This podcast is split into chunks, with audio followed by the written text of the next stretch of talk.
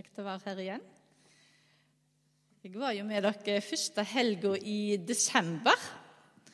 Eh, og Derfor så var det sånn ekstra kjekt å komme igjen her i dag, for da var jeg med dere hele helg. Ble litt kjent med flere av dere.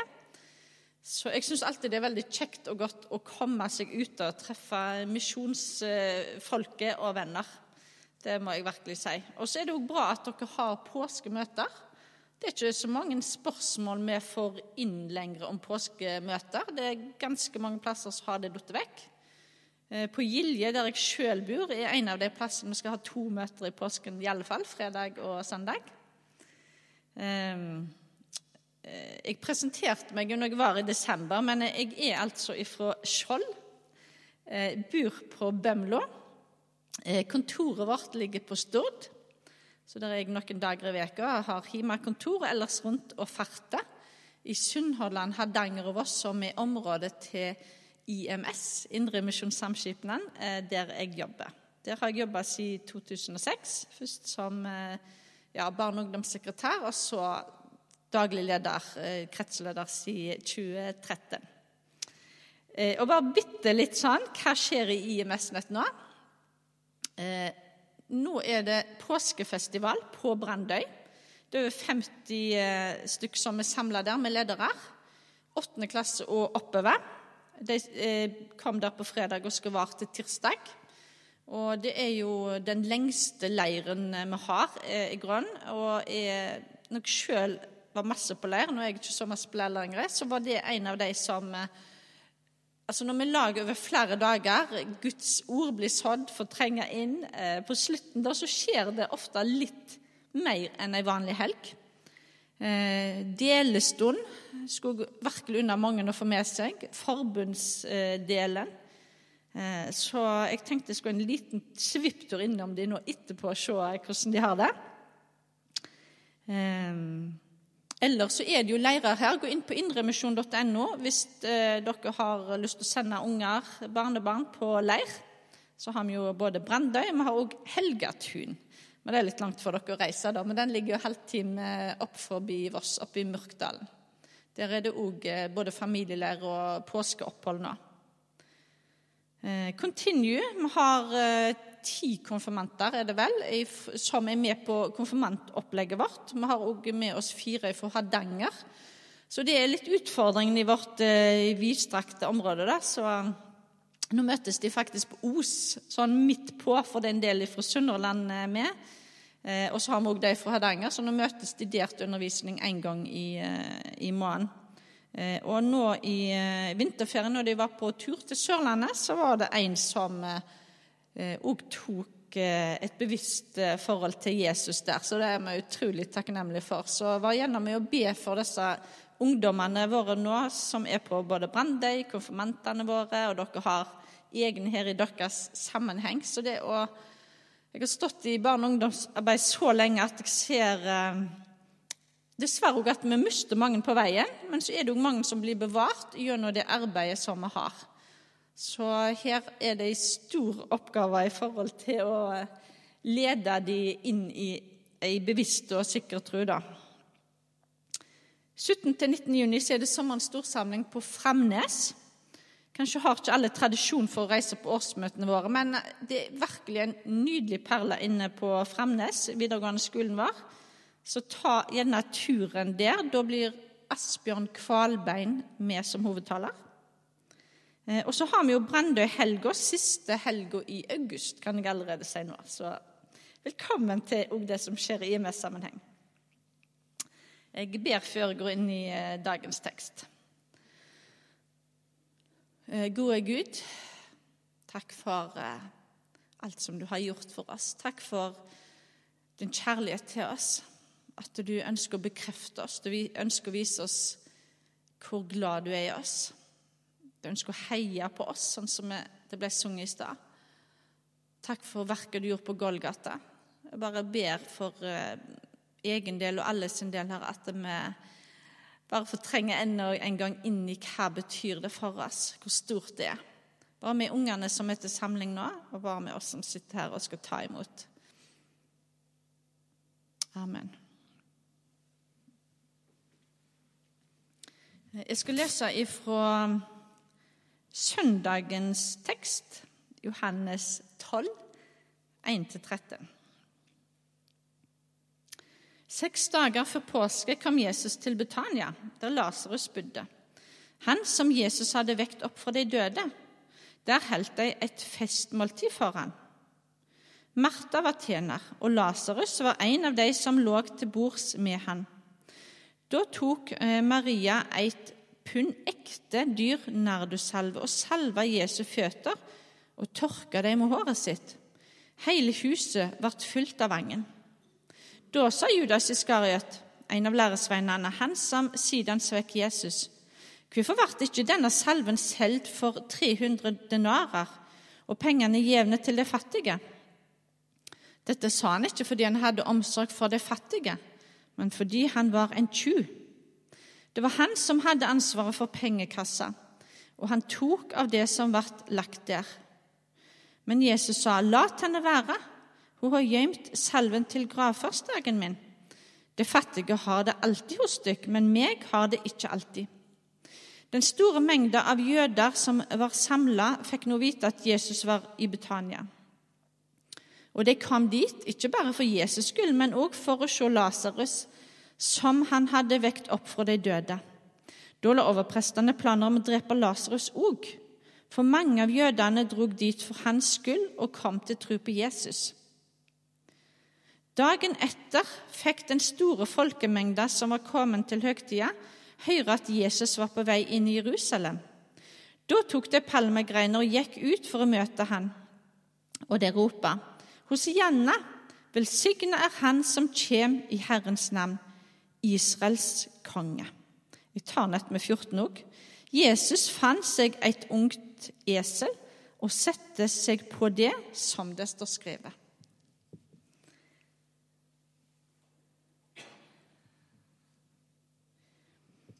Ehm, det står her at det var seks dager før påske. Eh, og korsfestelsen fant eh, sted på en fredag, så er altså dette festmåltidet det er på en lørdag kveld.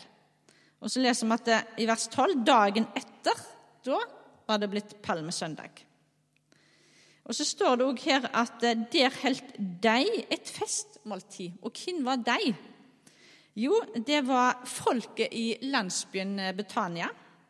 For de ville uttrykke sin takk til Jesus for det at han hadde kasta glans over denne vesle landsbyen. For etter han hadde vekt opp Lasarus, så kom det eh, mange folk til denne byen og ville se eh, under og se det som hadde skjedd. Men Lasarus var òg æresgjest denne dagen. Han satt midt iblant dem eh, som et stort under på hva som hadde skjedd, at Jesus hadde vekt han opp ifra de døde. Ehm, og så kan vi også lese senere at overprestene de la planer om å drepe Lasarus òg. Ehm, overprestene det var ofte sadukerer, som de heter. Og De hadde en ekstra god grunn til å drepe Lasarus, fordi de trodde ikke på et liv etter døden. De eh, trodde ikke på noen oppstandelse. Eh, og som vi leser, mange av jødene gikk dit, for han skulle trodde på Jesus. Eh, for Lasarus var da et levende bevis på at det faktisk fantes en oppstandelse. Eh, og så står det at de trakk seg eh, Eller de var også redd at de trakk seg vekk fra de jødiske lederne. Litt tidligere, i kapittel 11, altså før den teksten jeg leser nå, så står det i 45-48 at mange av de jødene som kom ned til Maria og hadde sett Jesus gjorde, kom til tro på han. Men noen gikk til fariseerne og fortalte hva han hadde gjort. Da kalte overprestene og fariseerne sammen råd og sa, Hva skal vi gjøre? Denne mannen gjør mange teiken. Let vi han holde fram slik, så kommer snart alle til å tro på han, og romerne kommer og tar både den hellige staden og folket vårt. Så det var faktisk eh, De hadde en frykt oppi dette. Det var kommet en endring, noe nytt hadde skjedd. Ofte så er det gjerne lett for oss å bare gå i det vante, men plutselig blir vi kanskje utfordra av noe. Um, Nå var de rett og slett redde for å miste tempelet, og at folk skulle trekke seg vekk ifra tempelet. Eh, og Det får meg også til å tenke på hvordan reagerer jeg når noe nytt skjer. Av og til kan jeg kanskje også føle meg trua av det som er fra Gud, for det er noe nytt, det er noe usikkert. Eh, tar jeg avstand eller eh, og gjør motstand? Eller hva gjør jeg? Tenk om det er ifra Gud. Eh, generelt så blir ikke jødene egentlig omtalt som noe negativt i Bibelen. Men fariseeren overprestene vet vi ofte ble omtalt negativt. Eh, at, men mange av jødene ellers de kom til tro, og de ville følge Jesus. Eh, så finnes det også flere eksempler blant eh, fariseerne og overprestene som er nysgjerrig på Jesus, bl.a. Nikodemus, han som kom til Jesus om natta, som vi leser om i Johannes 3. Eh, han var faktisk også den som salva Jesus, kan vi lese om i Johannes 19. Myrra og aloe. 100 pund. Jeg sjekka opp. Det var faktisk 33 kilo som, de, eh, som han hadde med seg av salver når eh, han skulle salve Jesus. Men så kan vi òg lese om Kaifas. Han var øverste prest dette året, står det. Og I fortsettelsen av det jeg leser i stad, Eh, så står det i Bibelen 11, 49-51. Han sier til de andre Det skjønner ingenting. De tenker ikke på at det er bedre for dere at ett menneske dør for folket, enn at hele folket går til grunne. Det sa han ikke av seg sjøl, men fordi han var øversteprest i året, så taler han profetisk om at Jesus skulle dø for folket. Fariseerne hadde altså skjønt det, men de skjønte det ikke helt likevel. Ehm, så leser vi i teksten her at Jesus han ble salva av Maria. Ehm, hele huset var fullt av angen, altså duften. Eh, her møter vi Maria. Det er jo den samme Det står faktisk her at eh, Martha var tjener. Det er jo den samme historien om Martha og Maria. Og Maria er nå den som salver eh, beina hans, føttene. Hun tilber og hyller Jesus. Eh, I parallellteksten så står det faktisk at du heller det over hodet, men her står det føttene, så kanskje var det mer enn bare beina, da. Eh, og det er jo egentlig en intim handling, vil jeg si. Hun har sett hva Jesus har gjort. Og hun bryr seg ikke om alle de andre rundt henne. Eh, jeg hørte nett en, ei dame som eh, sa hun hadde vært i Bangladesh. Og Da skjønte hun historien med Martha og Maria. For på Jesus' tid så var det ikke vanlig at kvinnene fikk lov å være med mennene i det hele tatt. Eh, de skulle tjene, de skulle være for seg sjøl. Så klart, bare i den andre fortellingen der Maria og Martha eller det vil si Maria sitter ved Jesus' føtter og bare lytter, var òg en eh, ting som absolutt ikke var vanlig. Og det er nå at eh, Maria salver føttene til Jesus, en intim handling. Hun kan ikke ha tenkt så masse på hva vil alle de andre si. Hun bare gjorde det av hjertet sitt. Hun ønsket å tilbe han, hun ønsket å ære han og hylle han. Eh, og Jesus han trong dette. Han trong denne omsorgen. Eh, Jesus han vet at selv om alle hyller på denne herren palmesøndagen, så vil de snu han ryggen seinere. Men så er det noen som mener likevel at dette er en nytteløs tilbedelse. Judas irettesetter. I parallellteksten så kan vi lese faktisk at eh, læresveinene, altså flere, ikke bare Judas som irettesetter, de blir erge irriterte, sinte. Hva skal ei sånn sløsing tjene til? Nyttetenkning som vi ofte kan ha med òg. Hva er dette vitsen for? 300 denarer, det er faktisk 300 daglønner, altså nesten ei årslønn, faktisk.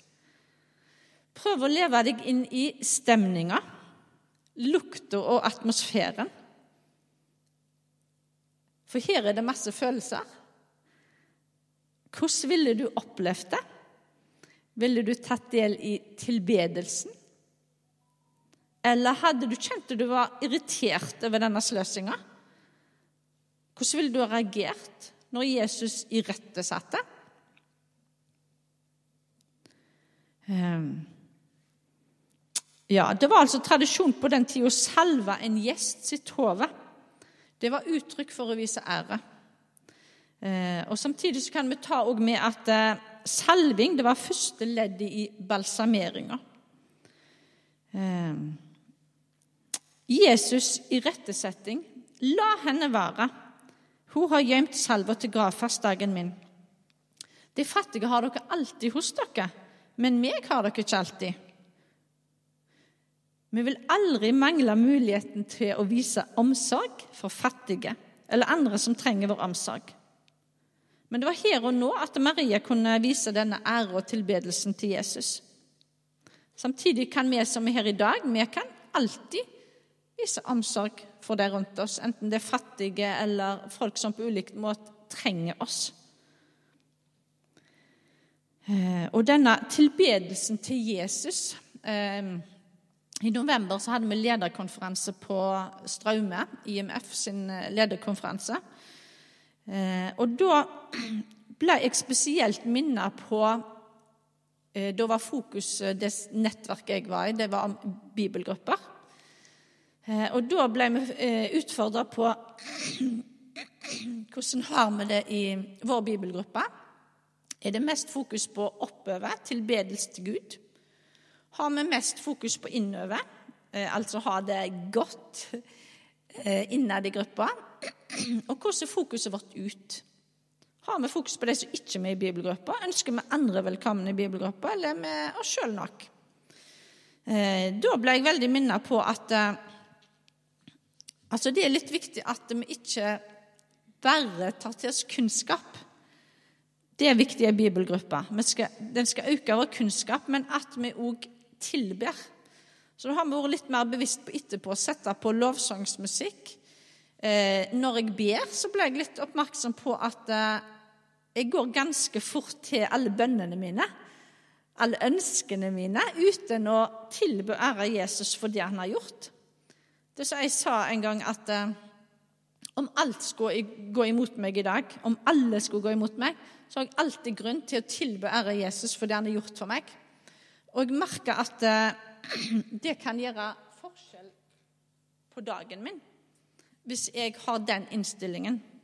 Jeg vet ikke om dere har hørt om denne boka. Henry Norwen sier 'Den bortkomne sønn vender hjem'. Jeg eh, må virkelig bare anbefale den hvis dere ikke har eh, lest den. Han har nyttig perspektiv på, på både hvem eh, Gud som far er, hvem den bortkomne sønn er, og, og han som ble igjen hjemme. Og kanskje kjenner jeg meg igjen, han som ble hjemme. Hva innstilling hadde han? Hva hjerte hadde han? han Noen sier at takknemlighet kan være en livsholdning. Og eh, Det innebærer et bevisst valg. Jeg kan velge å være takknemlig selv når jeg føler meg såra og bitter. Det er utrolig hvor ofte anledning byr seg til å velge takknemlighet i stedet for bebreidelse. Jeg kan velge å være takknemlig når jeg blir kritisert, selv om hjertet mitt reagerer med bitterhet. Jeg kan velge å snakke om godhet og skjønnhet, selv om et indre eh, øye leter etter noen å bebreide eller noe å kalle stygt.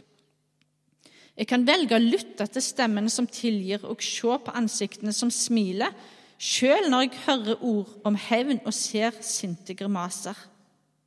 Jeg har alltid valget mellom bitterhet og takknemlighet, for Gud har vist meg, seg for meg i mørket og trygla meg om å komme hjem, og uttalt med kjærlig stemme, du er alltid hos meg, og alt mitt er ditt. Så ja, jeg tenker første påskedag, dere. Da kan vi løfte hender og juble og ære og prise Gud for det han har gjort for oss. Og Vi trenger ikke bare gjøre det den dagen, men vi har en spesiell grunn til å gjøre det den dagen for å minnes det han har gjort. Men det kan vi starte med hver dag. Eh, så jeg har eh, jo mitt eh, veslerom, vaskerommet, som er litt koseligere enn det høres ut til. Der leser jeg Bibelen og ber. Og nå har jeg begynt å av og til bare sette på YouTube lovsangsmusikk. Bare ta det til deg. Hør en lovsangsmusikk, og bare pris Gud for den han er, og det han har gjort. Så tror jeg at det vil skje en sånn forandring i hjertet ditt Eh, at du får en mer takknemlig eh, livsholdning. Så kan det godt hende at du har det helt fra før, da, men jeg trenger det i alle fall.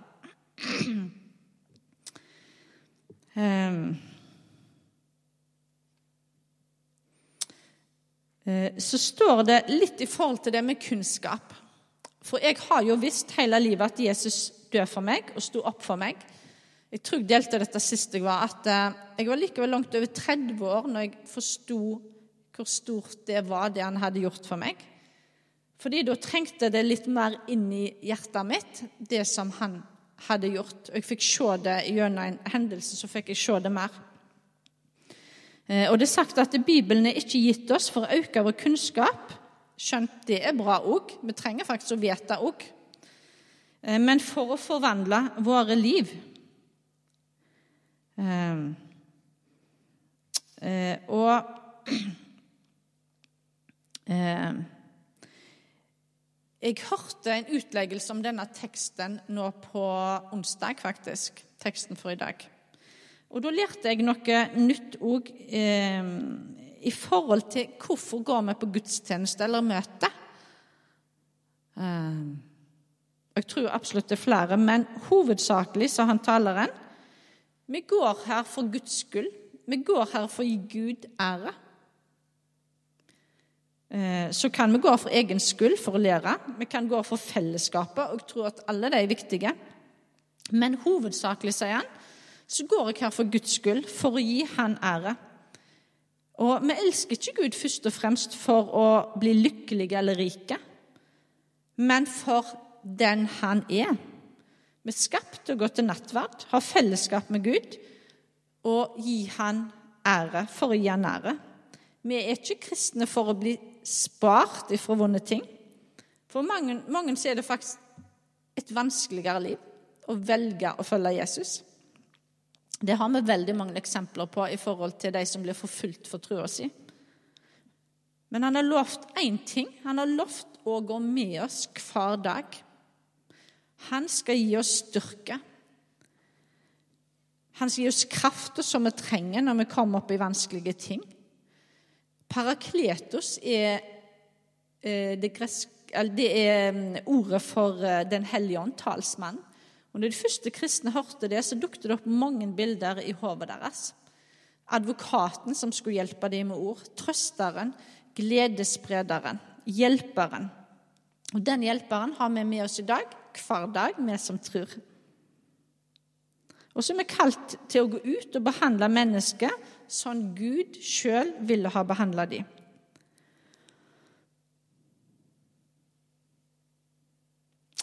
Da folket fikk høre at Jesus var på vei til Jerusalem, så tok de palmegreiner og gikk ut for å møte ham. De ropte 'Hosianna', velsigna er Han som kommer i Herrens navn, Israels konge. Og så leser vi også at han fant seg en, et ungt esel og satte seg på det. Eh, Fram til nå så har Jesus egentlig tont ned eh, når folk ville si hvem han var, når han gjorde helbredelser, og når folk prøvde å gjøre han til konge eller større enn han ønsket sjøl. Men her tillot han begeistring. Og han ønsker med det òg at Gud skal bli æra. Han rei inn i Jerusalem på en eselfole. Konger pleide å ri på en hest.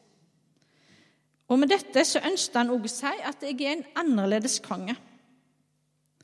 Eh, Gunvor leser fra profetien i Zakaria, og det står med TS21 at dette skjedde for at profetien skulle bli oppfylt, faktisk. Eh, så har jo folket her forventning om dette er kongen som skal kaste romerne ut eh, fra Israel og i området der. Hva disiplene tenkte, vet vi ikke helt, men seinere forsto de det. etter Jesus sin død, oppstandelse og himmelfart, så skjønte de mer og mer av hvem var denne Jesus. Hvor stor var han? Hosianna, det betyr faktisk 'frels noe'. Eh, men ordet ble gitt, gjengitt som et uttrykk, uttrykk for jublende lovprisning. Velsigna er Han som kom i Herrens navn. Hosianna i det høgste. Eh, så er det litt ulike sånn Alt etter om vi leser nynorsk eh, bokmål, bibel osv. Men det står at det var uro i hele byen i Matteus, parallellteksten 21,10. Eh, på bokmålsbibelen min står det at, at hele byen kom i bevegelse. Eh, bokstavelig talt på grunnspråket så betyr det at byen rista eller skalv. Det må bety at det var et voldsomt oppstyr. At det var mange som tok del i dette. Eh, Gamle testamentets oppgave er å peke på Jesus. Eh, Luther han sier at tar du Jesus ut av Gamle testamentet, hva har du da? Du kan ikke forstå Nytestamentet uten å lese Gamle testamentet. Eh, og jeg eh, holder sjøl nå på å lese gjennom Bibelen på ett år. Har hevet meg på IMIs satsing.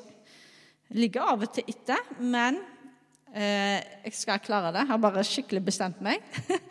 Jeg har prøvd før, bare til dere som har prøvd å kjenne at dette her eh, gikk ikke nå heller. Prøv igjen til du klarer det.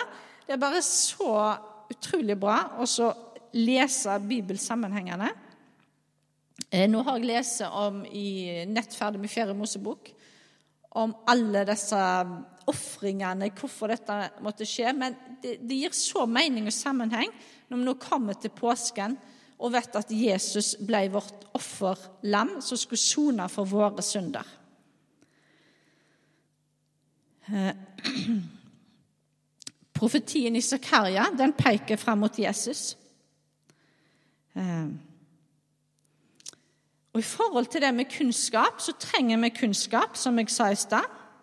Jeg er veldig glad i bibeltimer sjøl. Jeg liker å lære nye ting. Jeg liker å lese i Bibelen, lese i studiebibelen. Hvis du ikke har en studiebibel når du leser, det er faktisk ganske masse jeg ikke forstår. Men hvis du har en studiebibel, så leser jeg litt unna, får med meg mer sammenhengen rundt. Så blir det mer meningsfullt og forståelig å lese. Men så vil vi òg at det skal forandre og forvandle livet vårt. Det at jeg er en kristen, skal få en praktisk konsekvens. Eh, og Jeg har lyst til å lese til dere Rick Warren. Eh, vi har hjemme og ungdomsalfa for noen ungdommer. Eh, og apropos det, så er det veldig lett å bare samle folk i stua. Enten det er voksne eller ungdommer. Det fins videoer, opplegg, spørsmål, alt klart. En god måte å bygge relasjoner på, og òg bygge tru inn i enten unge eller voksne. Men her står det en historie om John Wimber. Han er død for eh, mange år siden. Han var egentlig på en måte faren til den karismatiske bevegelsen i USA. Så han er både elska og mm, kanskje omdiskutert, da. Men jeg syns uansett at denne historien, når det gikk opp for han, omvendelse, at han trang Jesus, er utrolig bra. Hvordan korset ble en personlig virkelighet for han. Han døde i bare 63 år gammel, faktisk. Jeg tror det var i 1997. Eh, han sier dette. Etter å ha studert Bibelen i omtrent tre måneder, så kunne jeg ha gått opp i eksamen om korset. Jeg forsto at det finnes en Gud som kunne kjennes i tre personer. Jeg forsto at Jesus er fullt ut Gud og fullt ut menneske, og at han døde på korset for hver synder.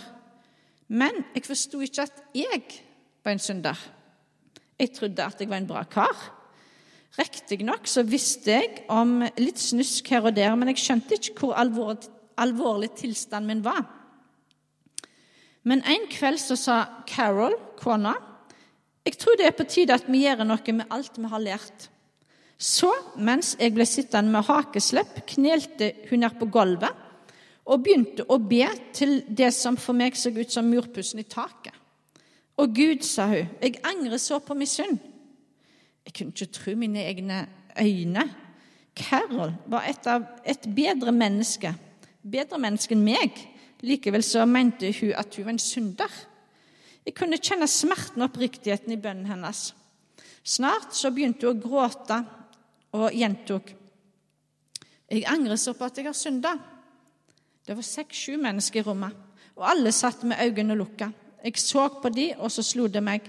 De har bedt denne bønnen alle sammen. Jeg fikk svettetukter. Jeg trodde jeg skulle dø. Svetten eh, silte nedover ansiktet, og jeg tenkte jeg skal ikke gjøre dette. Det er idiotisk.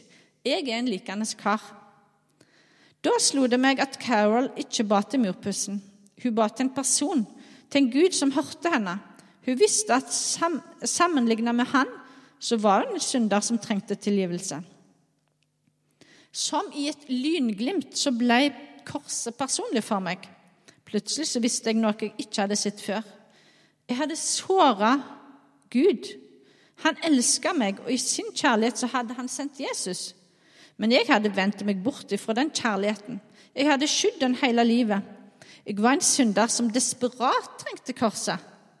Da knelte òg eh, jeg ned på gulvet. Jeg hulka, nesen rant, øynene rant, og hver millimeter av kroppen svetta som besatt. Jeg hadde denne overveldende følelsen av at jeg snakket til en person som hadde vært sammen med meg hele livet, men som jeg ikke hadde kjent igjen. I likhet med Carol så begynte jeg å snakke med en levende Gud og ville bekjenne at jeg var en synder. Men de eneste ordene jeg greide å si høyt, var 'Å Gud, å Gud'.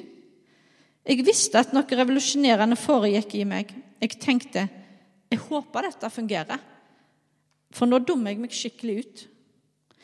Da minner Herren meg om en mann jeg hadde sett i Pershing Square i Los Angeles mange år tidligere. Han gikk rundt med en plakat hvor det sto 'Jeg er en dåre for Kristus'. Hvem sin dåre er du? Den gangen tenkte jeg dette er det tåpeligste jeg noensinne har sett. Men der jeg knelte ned på gulvet, så gikk det opp for meg hvor sant det var, det som hadde stått på den underlige plakaten. Korset er en dårskap for dem som går fortapt. Den kvelden knelte jeg ned ved korset og trodde på Jesus. Og siden den gangen har jeg vært en dåre for Kristus.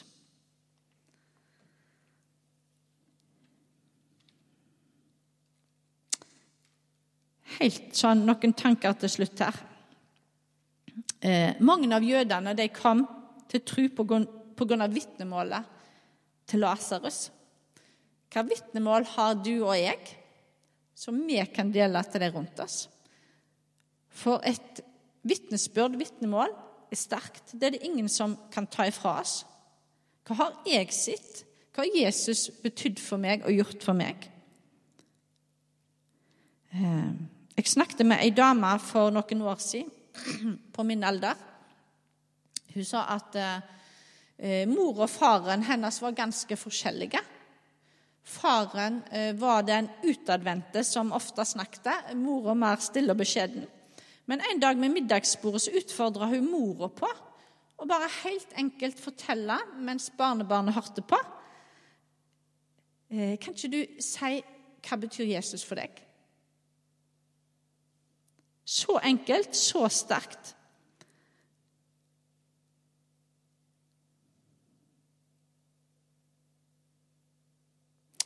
Jeg skal helt til slutt lese den siste parallellteksten i dag, som er fra Filipperne 2, 5-11. Den skal mer stå for seg sjøl, for jeg rekker ikke gå inn i noe mer her nå. Eh, men det er en Kristus-hymne, eh, enten lagt av Paulus eller en faktisk hymne som har eksistert eh, i de første eh, forsamlingene. eh, ja. Filippan 2, 5-11. La det samme sinnelag være i dykk som òg var i Kristus Jesus. Han var i Guds skapnad og så det ikke som et rov å være Gud lik, men ga avkall på sitt eget, tok en tjenerskapnad og ble menneskelik. Eh, eh, da han sto fram som menneske, fornedra han seg sjøl og ble lydig til døden, ja, døden på krossen. Derfor har òg Gud opphøyd han til det høgste og gjeve han navnet over alle navn. Jesu navn skal de for hvert kne bøye seg, i himmelen, på jorda, under jorda, og hver tunge vedkjenne at Jesus Kristus er Herre, til Guds Faders ære.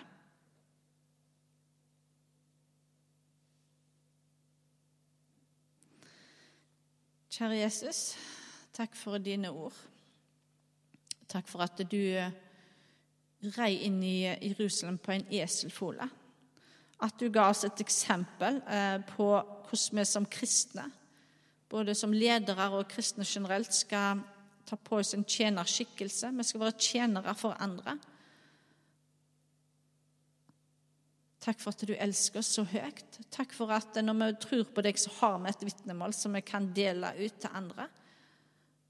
Og jeg bare ber om at vi må se rundt oss. Hvem er et fredens menneske? Hvem er klar til å ta imot deg? Hvem vil du minne oss på nå i uka vi går inn i? Hvem er klar til kanskje en samtale om deg? Bare hjelp oss og vær nær oss, og led oss på vår vei. Gi oss de ordene som vi trenger. Gi oss kraft og styrke når vi kjenner på menneskefrykt. Og så ber jeg òg om at vi sjøl virkelig bare ser hvor høyt vi elsker, og hva du har gjort for oss i påsken. Først og fremst at vi er dine barn. Amen.